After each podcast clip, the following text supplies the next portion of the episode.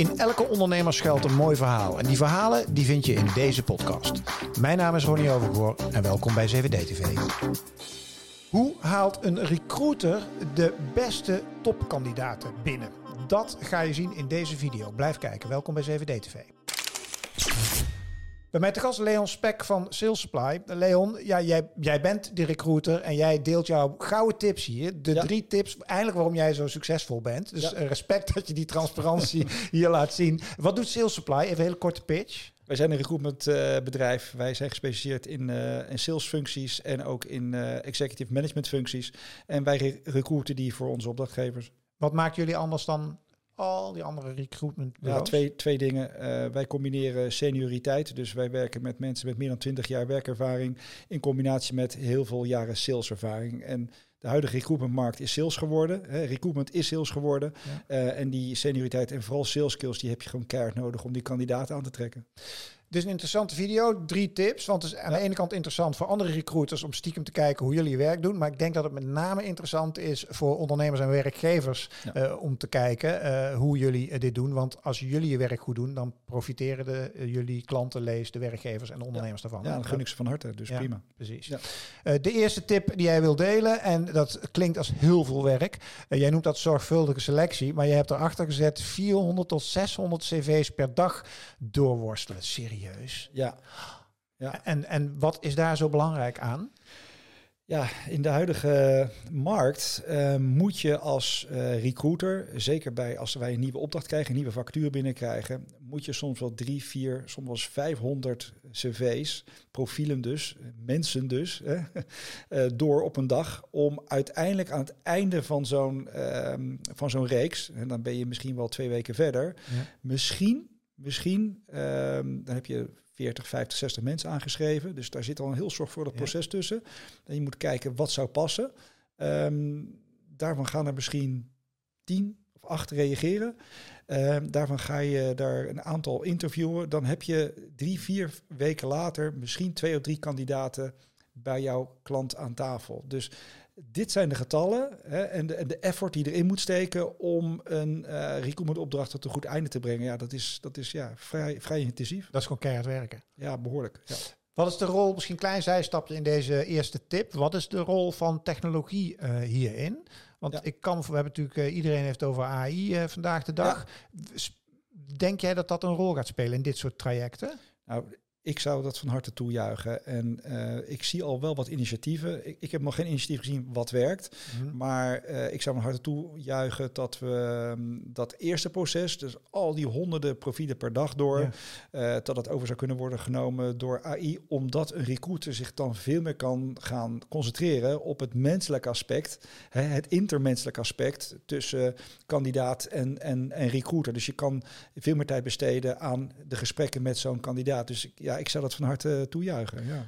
Wat zijn triggers voor jou als jij als een, samen met je collega's al die honderden cv's aan het doorjekkeren bent? Hè? Ja. Wat zijn nou cv's waar jij blijft hangen en denkt, "Hey, deze is interessant. Wat zijn triggers? Ehm, het, het zijn er een heel aantal, maar wat ik bijvoorbeeld persoonlijk altijd heel erg aantrekkelijk vind als iemand ehm, wat langer bij een bedrijf heeft gezeten en binnen zo'n bedrijf eh, een aantal stappen omhoog, promotie heeft gemaakt. Ja. Dat betekent dat iemand succesvol genoeg was om, maar ook ausdauer, hè, de, doorzettingsvermogen had om ergens te blijven zitten, maar succesvol genoeg om ook stappen omhoog te maken. Dat vind ik altijd een hele, een hele krachtige. Ja.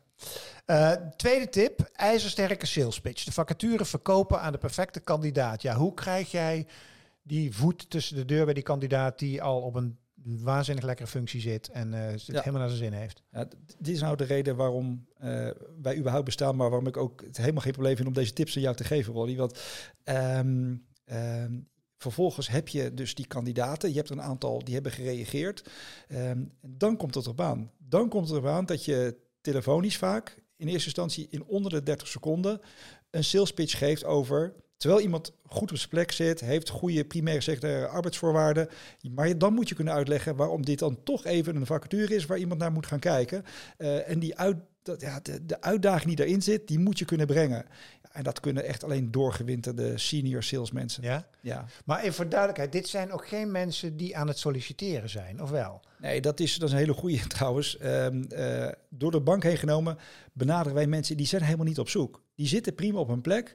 Eh, dus daar moet je extra effort in stoppen om die mensen los te weken, om ze ehm, ja, uit te dagen, om toch even de tijd te nemen om naar die vacature te kijken. En dat is gewoon sales. Dat is gewoon pitchen met bepaalde eh, USP's. En ja, dat, dat is wat een salesman of vrouw heel goed kan. En daarom werk ik met 50 plus salesmannen. Ja, het, is, het doet mij de- bijna denken, ik weet niet of dat nog bestaat, dat, dat, je, dat je had je headhunters had je dan. Ja. Maar dat was een soort van compliment. Als je dan benaderd werd door een headhunter, dan Ja. was je echt wel... Maar dat gevoel wil je een beetje hebben, zeg maar, maar dat is het. Ja, En, en ik, wij zeggen altijd, ja, recruitment is sales geworden. Het is gewoon hetzelfde vak. ja, geweldig. De derde tip, eh, begeleiding, klanten coachen. Ja. Leg uit. Maar Wat bedoel je met klanten? De kandidaat of de ondernemer? De ondernemer. Aha, oké. Ja, ja we- kijk, je, moet je voorstellen, eh, wij, wij zitten in een soort driehoek. Ehm, eh, klant, ehm, eh, kandidaat en recruitmentbedrijf, bedrijf, sales supply in dit geval. En er zit een recruiter van ons in, in het midden van die driehoek. En dat betekent dat jij soms als een soort van olie in die machine moet fungeren. Soms moet je de kandidaat een beetje coachen. Maar steeds meer, dat is de laatste jaar echt wel een trend. Eh, steeds meer moet je die werkgever coachen. En daar geef ik je een voorbeeld. Ehm, wij hebben uitgebreid gesproken met de kandidaat.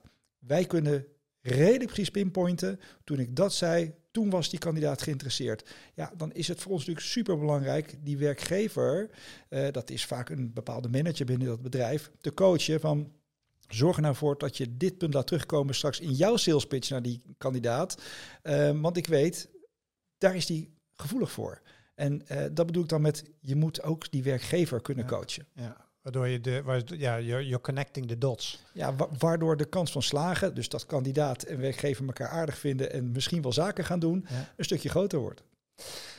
Dankjewel Leon eh, voor deze eh, drie eh, gouden tips. We hebben in de beschrijving nog meer video's staan met tips. Waaronder een video de, van, met daarin de meest gemaakte fouten die door ondernemers en werkgevers worden gemaakt in het recruitmentproces. Dus mocht je nou die fouten niet willen maken, dan zou ik vooral in de beschrijving kijken naar die video. En daar staat ook een video met een volledig ondernemersportret van Leon Spek. Voor nu Dankjewel voor het kijken naar deze video. Heel veel succes met het vinden van die topkandidaten en met het naar binnen halen van. Hopen dat deze tips helpen. Eh, heb je geluisterd naar de podcast? Dankjewel voor het luisteren. Hoi!